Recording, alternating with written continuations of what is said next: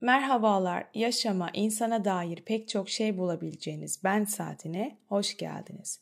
Ben Elif. Bugün Ben İllüzyonu serisinin ikinci bölümü ile sizlere sesleniyorum. Bir önceki bölümde benlik algısını anlatırken hepimizi sihirbaz ilan etmiştim. Düşüncelerimizle kendimizi bir ilizyonun içine hapsedip benlik inşa ettiğimizi ve bunun sonucu olarak gerçekliğimizi nasıl oluşturduğumuzu aktarmıştım. Bu bölümde de düşüncelerimizdeki virüslerden bahsetmek istiyorum. Bilim insanları beynimizi bir bilgisayara benzetebildiğine göre düşüncelere virüs bulaşması bence mümkün. Konuya girmeden önce durun size bir hikaye anlatayım. Biraz bilinen bir hikaye ama bir de benden dinleyin lütfen. Zamanın birinde bir köyde yaşayan yaşlı ve çok fakir bir adam varmış. Fakirliğine rağmen kral bile onu kıskanırmış. Zira dilleri de destan bir beyaz atı varmış. Kral bu at için ihtiyara neredeyse hazinesinin tamamını teklif etmiş. Ama ihtiyar bir türlü satmaya yanaşmayıp bu at bir at değil benim için bir dost. İnsan dostunu satar mı demiş hep. Bir sabah kalkmışlar at ortalarda yok. Köylü ihtiyara seni ihtiyar bunak. Bu atı sana bırakmayacakları ve çalacakları belliydi. Krala satsaydın ömrünün sonuna kadar beyler gibi yaşardın. Şimdi ne paran var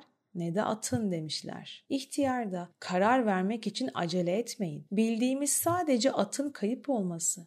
Ondan ötesi sizin yorumunuz ve verdiğiniz karar. Atımın kaybolması bir talihsizlik mi yoksa bir şans mı? Bunu henüz bilmiyoruz. Çünkü bu olay henüz bir başlangıç. Arkasının nasıl geleceğini kimse bilemez. Köylüler ihtiyar buna kahkahalarla gülmüşler. Aradan 15 gün geçmeden at bir gece ansızın döner. Meğer çalınmamış, dağlara gitmiş kendi başına. Dönerken de vadideki 12 vahşi atı peşine takıp getirmiş. Bunu gören köylüler toplanıp ihtiyara, babalık sen haklı çıktın. Atının kaybolması bir tarihsizlik değil.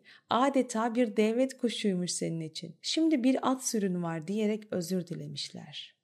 İhtiyar Karar vermek için gene acele ediyorsunuz. Sadece atın geri döndüğünü söyleyin. Bilinen gerçek sadece bu ve bu daha başlangıç. Arkasının nasıl geleceğini kimse bilemez.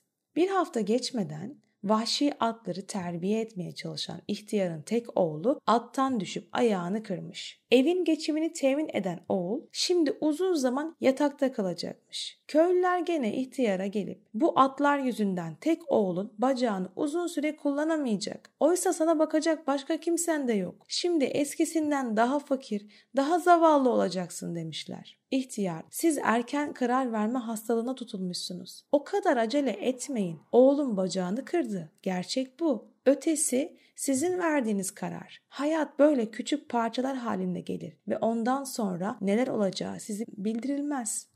Birkaç hafta sonra düşmanlar kat kat büyük bir ordu ile saldırmış. Kral son bir ümitle eli silah tutan bütün gençleri askere çağırmış. Köye gelen görevliler ihtiyarın kırık bacaklı oğlu dışında bütün gençleri askere almış. Köyü matem sarmış. Çünkü savaşın kazanılmasına imkan yokmuş. Giden gençlerin ya öleceğini ya da esir düşeceğini herkes biliyormuş. Köylüler ihtiyara gelip gene haklı olduğun kanıtlandı. Oğlunun bacağı kırık ama hiç değilse yanında. Oysa bizimkiler belki asla geri dönemeyecekler. Oğlunun bacağının kırılması talihsizlik değil, şansmış meğer. İhtiyar, siz erken karar vermeye devam edin.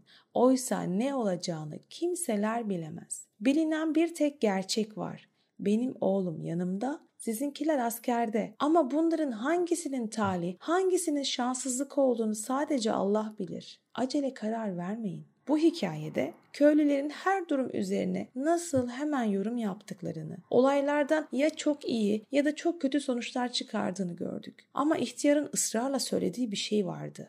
Orayı yakalayabildiniz mi? Ne diyordu? Erken karar veriyorsunuz. Sadece olana, gerçeğe bakın. Gerçek nedir? Atın kaçması gerçek. Kaçmasının kötü ya da iyi bir netice olması bizim sadece yorumumuz. Daha o sonucu görmedik ama biz öyle olduğuna inanıyoruz. Mindfulness'ta da sıkça sorulan bir sorudur bu. Gerçek nedir? Bu soru aklımızın bir köşesinde beklesin şimdilik.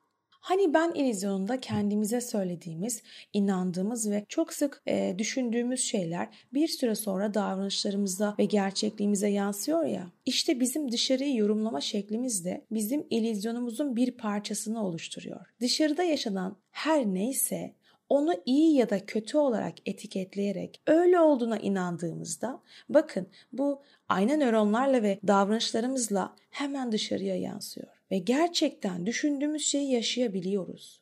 Zihnimizden geçen bizimle ya da dışarısıyla ilgili her düşünce doğru mu? Bunu bilmiyoruz ki. Ya değilse Hatırlayın önceki bölümde kendinize bu soruyu hep sorun demiştim. Ya öyle değilse?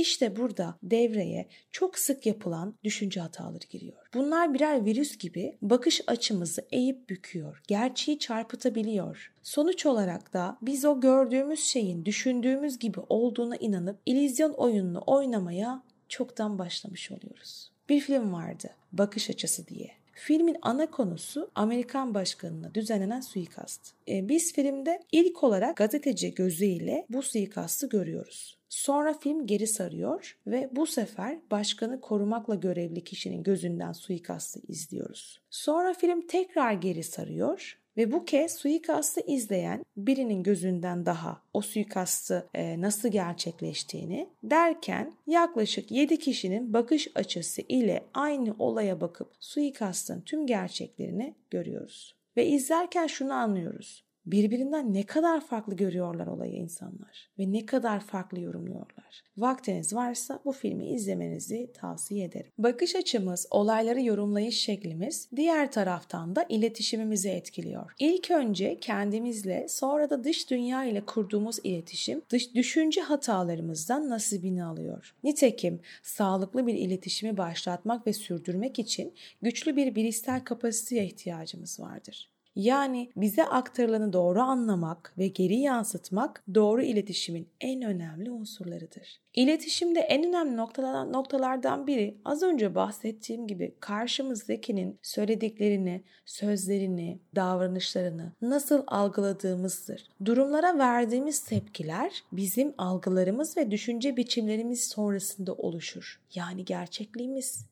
Durumlara verdiğimiz tepkilerden sonra artık gerçekliğimiz oluşmuş oluyor. Bu noktada hepimizin sahip olduğu bazı kalıplaşmış düşünce biçimleri vardır. Bunlara düşünce hataları veya bilişsel çarpıtmalar da denilir. Peki bu en sık yapılan düşünce hataları neymiş? Birlikte bakalım mı? Bunlara Beyhan Budak düşünce virüsleri adı da vermiş. Ee, ben de bu bölümün başlığını o şekilde kullandım, o şekilde söyledim.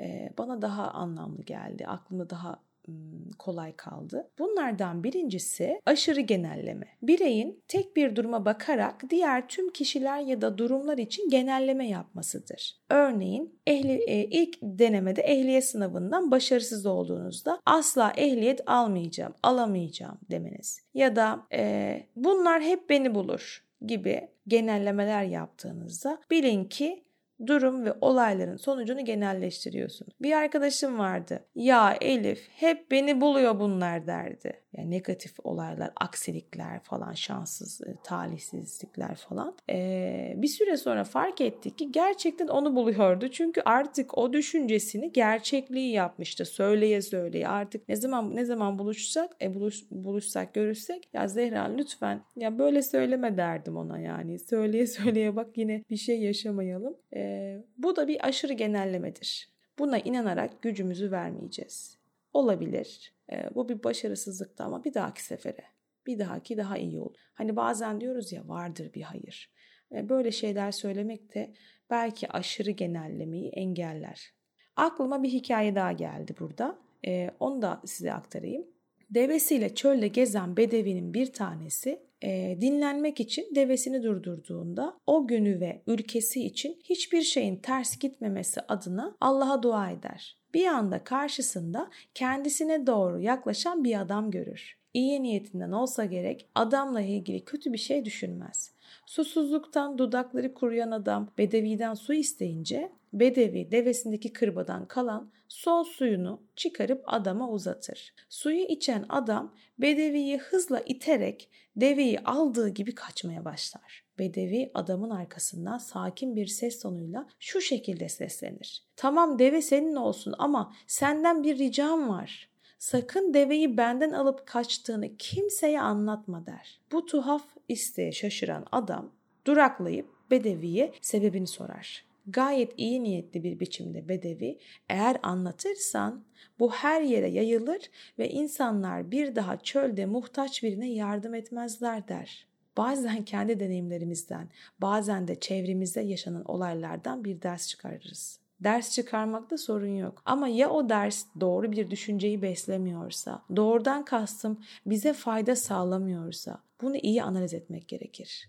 Bu anlattığım hikayede Bedevi'nin de korktuğu şey yaşadığı olayı diğer insanların duyup aşırı genelleme yaparak güvenlerinin sarsılmasıdır. Sadece bir olaya, bir duruma bakarak olumlu ya da olumsuz genelleme yapmak gerçeği göstermez. Ancak bizim o tarz olaylara bakışımızı, bizim ben ilizyonumuzu etkiler bu genellemeler. İkinci düşünce hatası ise kişiselleştirme kişinin kendisinin bir ilgisi olmadığı halde herhangi bir olumsuzluğu kendine yorması, buna kendisi, kendisinin sebep olduğunu düşünmesidir.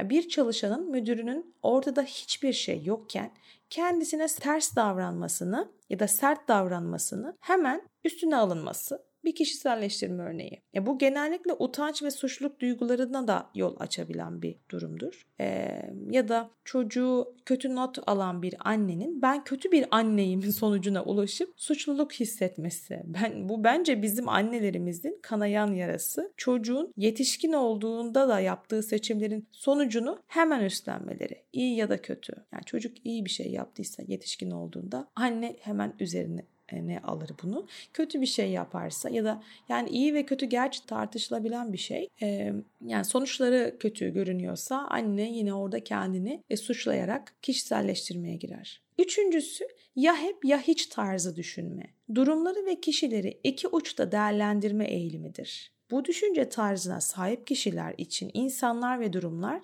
ya iyidir ya kötüdür. Örneğin bir arkadaşıyla problem yaşayan birinin o arkadaşını artık tamamen kötü biri olarak düşünmesi de bu iki uçlu düşünce tarzına bir örnektir. Ya da ikili ilişkilerde en ufak bir tartışmada ayrılmayı düşünmek de e, buna bir örnektir. Dördüncü düşünce hatası, düşünce virüsü ise zihin okuma. Bence bu çağın hastalığı zihin okuma. Niyet okuma desek daha güzel olur bence. Herhangi bir kanıt olmadan karşısındaki kişinin ne düşündüğünü düşündüğü hakkında tahminde bulunmak ve bu bundan da emin olmak, bu tahminin doğruluğundan da emin olmak. Yani yeni bir ortama girdiğinde biriyle tanıştığında e, kişi, kişinin kesin benim için çok aptal olduğumu düşündü. İşte ya çok aptalca davrandım, çok saçma sapan davrandım, kesin böyle böyle düşündü gibi. Akıl yani bu davranışlar akıl okumaya örnek gösterilebilir.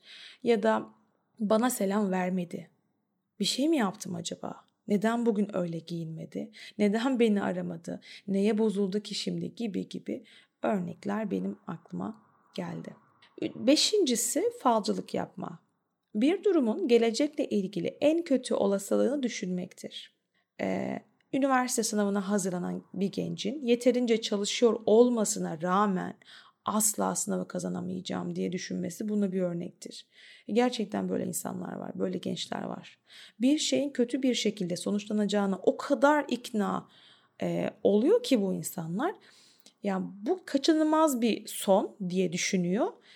Bunu artık buna o kadar inandığı için de bunu değiştirmek için yani söyleyebileceğiniz, yapabileceğiniz hiçbir şey olmadığından da artık emin oluyorsunuz. Çünkü o ona ikna olmuş.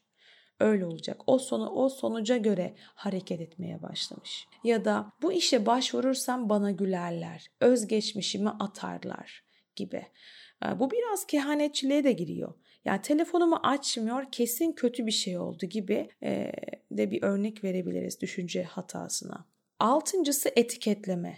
Kişinin kendisini ya da diğer insanları sadece bazı özellikleri göz önünde bulundurarak olumsuz sıfatlar koyarak değerlendirilmesi. Mesela kişinin kendisini tek bir olaydan dolayı aptal diye etiketlemesi buna bir örnek olabilir. Ee, yani daha genç yaşlarımda yemek yapmayı yeni öğrendiğim zamanlarda ilk deneyimlerim çok başarılı olmamıştı. Ee, mesela kuru fasulyenin içinde su falan kalmıyordu. O kadar kötüydü yani. O zamanlarda kendime mutfakta iyi olmadığımı hatta beceriksiz olduğumu söyleyip durdum. E şimdi güzel yemekler yapsam da böyle hani bir iki kişiden fazlasını e, çok misafir edemiyorum. Kendime güvenemiyorum çünkü. O etiketi henüz kaldıramadım galiba kendimle ilgili. Geçen bölümde bahsettiğim imposter sendromunu hatırlayın. Kişi kendini olduğundan daha aşağıda ve yetersiz olarak görür bu sendromu e, gerçekleştirirken. Bu da bir etiketlemedir. Keza bunun e, tersi olan Dunning-Kruger sendromu da kişinin olduğundan fazla e, kendini üstün görmesi. Ya bu o da e, yine etiketleme kategorisine e, girer. Bu bahsettiğim 6 tane düşünce çarpıtmalarını başka kategorilerde eklemek mümkündür. Sağlıklı bir iletişim için e, bu düşünce hatalarını fark etmek ve yerine alternatif düşünceler koyabilmek çok önemli bir adımdır. Yani benim böyle bir düşünce hatam var. Evet, bunu gözlemlemek, fark etmek ve onu kaldırmak, hemen kaldırdım attım gibi olmuyor bu. O sık yap yaptığımız düşünce hatasını fark edip orada durup ben burada bunun yerine alternatif olarak ne düşünebilirim? Hangi düşünceyi kendime verebilirim? Daha gerçekçi ne olabilir? Gibi bunun üstüne biraz e, çalışmamız gerekir. Yani bunu yaptığımız zaman hem karşımızdaki kişiyi hem de durumları değerlendirmede daha sağlıklı bir bakış açısı da e, kazanabileceğiz. Bütün bunlardan yola çıkarak birer sihirbaz olarak ben saatimiz gelip çattığında kendimize küçük bir toplantı yapalım mı? O vakitlerde şu soruları cevaplandırabiliriz. Ne tür düşünce hataları yapıyorum ben? Ya da erken karar verme hastalığına yakalanmış olabilir miyim? Hangi durumlarda bunu yaşıyorum? Kimlerle yaşıyorum? Ne zaman yaşıyorum gibi. Daha sonra da e, bu düşünceleri belirleyip bunların yerine az önce bahsettiğim gibi hangi düşünceleri koyabilirim? Bu, bunların hepsi birer pratik. Yani yaptıkça, yaptıkça, düşündükçe, üzerine eğildikçe değişebilen şeyler. Bu konuyla ilgili daha belirgin bir tanı koymak isterseniz bazı testler var. Bilişsel çarpıtmalar ya da düşünce hataları şeklinde Google'a yazıp onları kolaylıkla da ulaşabilirsiniz. Bu şekilde de e, daha net, daha belirgin e, kendinizle ilgili tanımlar elde edebilirsiniz. Bu bölümün sonuna geldik. Ben Saatini Instagram'dan da takip edebilirsiniz. Hoşçakalın, çok sevgiler.